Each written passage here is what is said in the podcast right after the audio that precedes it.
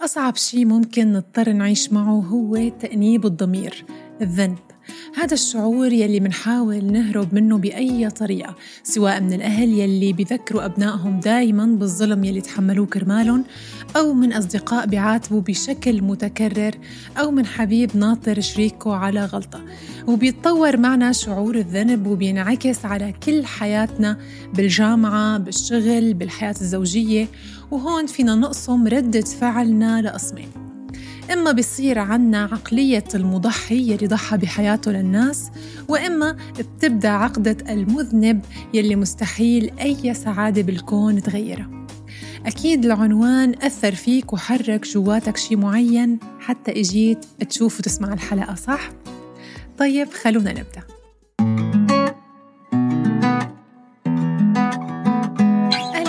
فيكم بحلقة جديدة من بودكاست من البيت. هيدا البحث يلي رح نحكي فيه اليوم للدكتور محمد السعيد أبو حلاوة أستاذ الصحة النفسية المساعد بكلية التربية بجامعة دمنهور.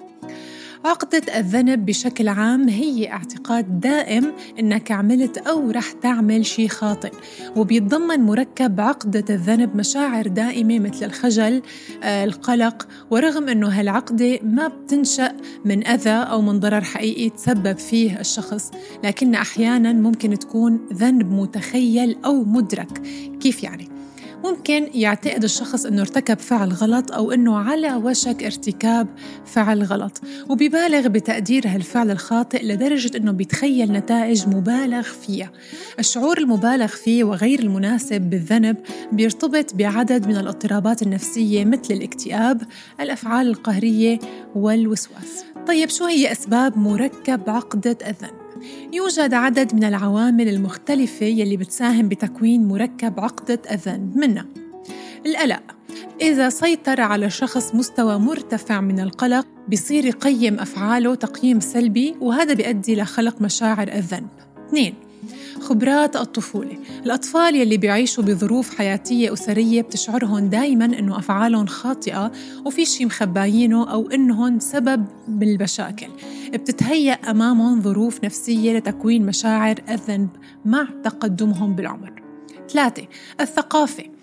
إذا لقيت حالك عملت شيء بيخرج عن المعايير الثقافية يلي تربيت فيها ربما تشعر بالذنب حتى وإن كانت تصوراتك الحالية وفكرك الحاضر ما بيدعم هاي المعايير.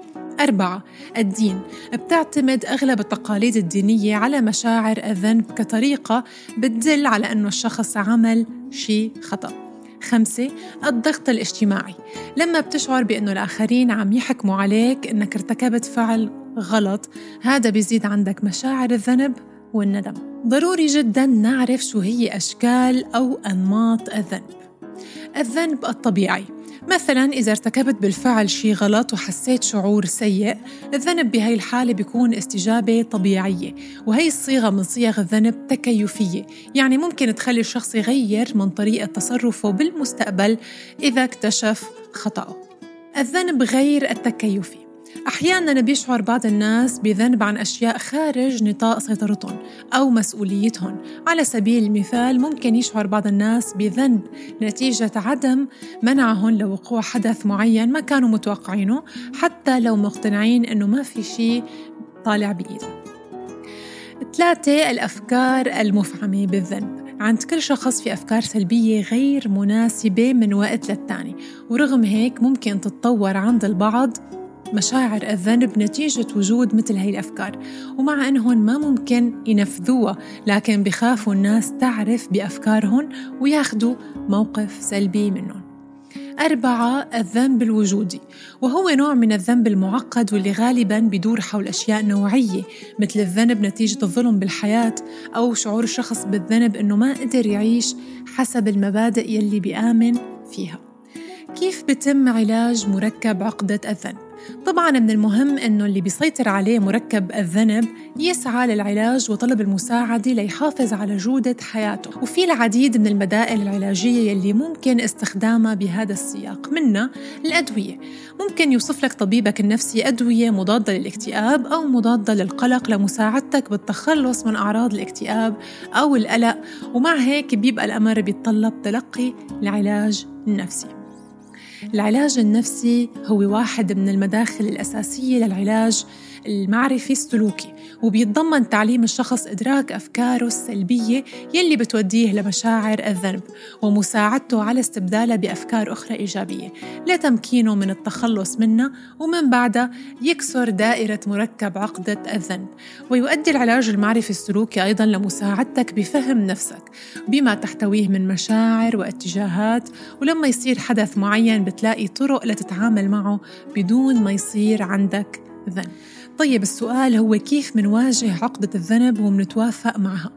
سؤال كتير مهم خصوصا إذا كنت عم تحاول تواجه مشاعر الذنب دائما. في عدد من الاستراتيجيات يلي فيك تعملها لتتمكن من إدارة هاي المشاعر الصعبة بطريقة جيدة. مثل واحد إعادة تفسير وشرح المواقف يلي صارت معك إذا لقيت نفسك عم تركز دايما على الأفكار السلبية فكر بالموضوع من زاوية تانية وحاول تجاوب على هاي الأسئلة هل في عوامل أخرى لعبت دور بهذا الموقف؟ طيب شو اللي فيني غيره بالمستقبل؟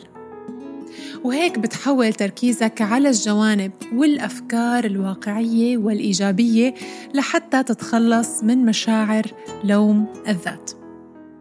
اثنين سامح نفسك. تعلم كيف تسامح حالك. وطبعا هذا ما بيعني إنك تقبل أخطائك وتأذي الآخرين أكثر لكن هو تحمل المسؤولية والاعتراف بالذنب مع إعطاء الذات فرصة ووقت للتعبير عن الندم. وبعدها إصلاح الأمر والتقدم بالحياة. ثلاثة. تحدث مع شخص آخر. شارك انفعالاتك ومشاعرك مع صديق مقرب وابحث عن المساندة الاجتماعية من الآخرين لأنه إلها دور حيوي بتمكينك من التعامل مع الانفعالات الصعبة. وحافظ على علاقاتك مع أصدقائك وأحبابك. أربعة. لا تفكر بالماضي. يلي راح راح. تعلم قدر ذاتك وكون صريح مع الأشخاص اللي حواليك. إذا حاسس بتقصير تجاههم اسألهم بشكل مباشر كيف فيك تهتم أكثر خمسة الاهتمام بالذات. لازم يتذكر الشخص أنه الاستمرار بالتضحيات والتنازلات كرمال الناس من حوله غلط. النفس إلها حق والأشخاص يلي حوله فيهم يتحملوا مسؤولية حياتهم وإصلاح أمورها ومعالجته ما في شخص على هي الأرض لا يخطئ. الإنسان بطبعه وفطرته خطاء. لهيك ما في داعي يشعر الإنسان بالذنب دايما بسبب كل خطأ ارتكبه تجاه نفسه وتجاه غيره. الحل إنك تغير طريقة تفكيرك توقف عن معاتبة نفسك واعترف بالتقصير. مش غلط. غير حياتك أنت كرمالك أنت وهذا المهم. بودكاست من البيت كنت معكم نيبال كرم. للقاء قريب بحلقات جديدة. بشوفكم على خير يا رب. bye bye.